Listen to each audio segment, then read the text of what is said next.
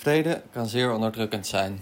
Maar omdat de aanwezigheid van vrede vaak nog onderdrukkender is, vinden we vrede best belangrijk. Vandaar dat we sinds jaar en dag van alles doen om, en bedenken om de vrede te waarborgen en te bevorderen. We hebben instituties, symbolen, doctrines, legers en wapens en ook prijzen. Dat laatste hebben we vooral te danken aan de 19e-eeuwse chemicus Alfred Nobel. Nobel vond gedurende zijn leven dynamiet uit en hoopte hiermee de vrede te bespoedigen, omdat, zo redeneerde hij, oorlogen eerder afgelopen zijn wanneer er grote explosieven in werden gezet. Niet iedereen was die mening toebedaan en toen men dacht dat hij overleden was, las Nobel in zijn eigen necrologie dat hij een handelaar in de dood was geweest. Hij kreeg gewetensvroeging en besloot zijn kapitaal beschikbaar te stellen voor ieder die de mensheid een grote dienst bewezen had. Zo waren de Nobelprijzen geboren, waarvan die van de vrede misschien wel het belangrijkste is. Dit jaar ging de Nobelprijs voor de Vrede naar het World Food Program van de VN.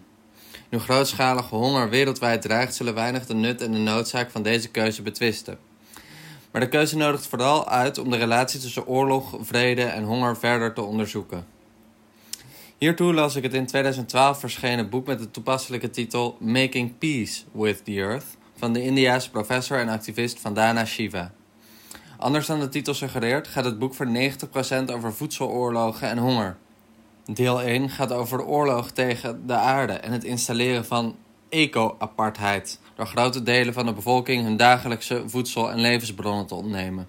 Dit met behulp van landbouwtechnieken gebaseerd op bestrijdingsmiddelen, genetic engineering en geoengineering, of weapons of mass destruction, zoals zij ze noemt. Deel 2 gaat over voedselcrisis, in 2011 op zijn hoogtepunt, maar ook voedselrechtvaardigheid en uiteindelijk dan toch ook voedselvrede. Shiva laat zien hoe de opkomst van grote spelers met moderne technieken en gewassen op de markt niet heeft geleid tot een groeiende vraag, maar vooral een dalend aanbod aan voedsel.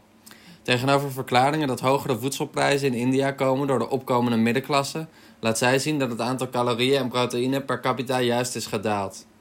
Het 1,3 miljard tellende inwoners tellende India kan alleen al genoeg calorieën en proteïne voor een kleine 2,5 miljard mensen produceren. En nog eens voldoende caroteen voor 1,5 miljard, wanneer er maar diverse landbouw wordt toegepast. En toch importeert India voedsel en is er honger. In het boek komen behalve transnationale organisaties ook een aantal multinationals voorbij, waaronder Nestlé, Walmart en Unilever. Een hoofdrol is echter weggelegd voor een van 's werelds grootste voedsel- en veevoedselproducenten, Cargill. Een familiebedrijf met niet minder dan 155.000 werknemers wereldwijd, waarvan er zo'n 1000 werkzaam zijn in Bergen op Zoom. Cargill is ook van, een Nobel, van het Nobelprijswinnende Wereldvoedselprogramma geen onbekende. Sterker nog, het is een van de belangrijkste part corporate partners, die niet alleen 10.000 ton voedsel schonk tijdens de vorige voedselcrisis in 2011, maar onlangs ook de circa miljoen dollar aan Nobelprijzengeld als schenking verdubbelde. Cargill is in Nederland redelijk onbekend, maar CEO's van veevoedselbedrijven als Four Farmers en AgriFirm, de hoofdfinanciers van de boerenprotesten vorig jaar, zijn er allebei directeur geweest. Toch is het platleggen van Slans infrastructuur en, wat niet al, maar kinderspel vergeleken bij wat Cargill in de rest van de wereld aanricht. Het bedrijf wordt in verband gebracht met landgrabbing, ontbossing van de Amazone en bezit zelfs een illegale haven waar naar verluidt het dagelijks gezag door lokale bendes wordt gevoerd. De belangrijkste veranderingen die dit mogelijk, maken, die dit mogelijk maakten voltrokken zich in de jaren 80 en 90, toen de vicepresident van Cargill de conceptversie voor een vrijhandelsverdrag van de latere Wereldhandelsorganisatie schreef. Het doel was niet zozeer om de marktwerking te bevorderen, maar eerder om de monopoliepositie van Amerikaanse en Europese multinationals te vergroten, door ze toegang te geven tot de markten van ontwikkelingslanden.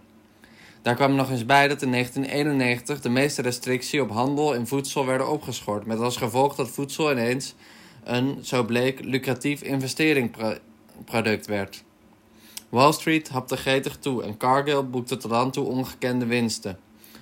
Omdat slechts een beperkte hoeveelheid gewassen wordt verhandeld, moeten vooral die gewassen worden verbouwd. Wat dus een omschakeling naar een monocultuur bevordert. Kleinschalige landbouw is misschien arbeidsintensiever, het levert wel meer op en is ook duurzamer.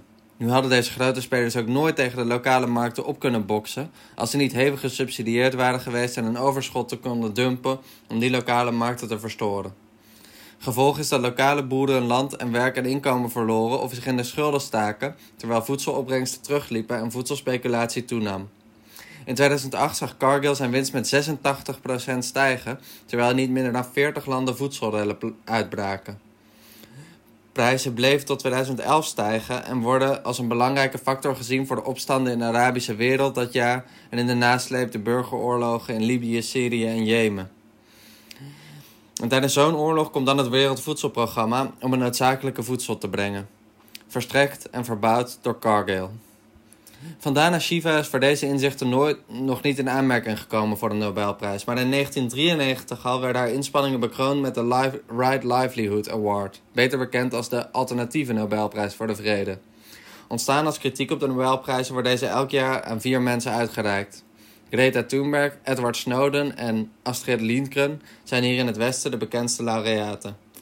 Dit jaar ging de alternatieve Nobelprijs naar Nasrin eh, Sotoudeh, vrouwenrechtenactivist in Iran, de Wit-Russische mensenrechtenactivist Ales Bialyatsky, Lottie Cunningham Wren, die opkomt voor inheemse rechten in Nicaragua, en de Amerikaanse mensenrechtenadvocaat Brian Stevenson, die strijdt tegen institutioneel racisme.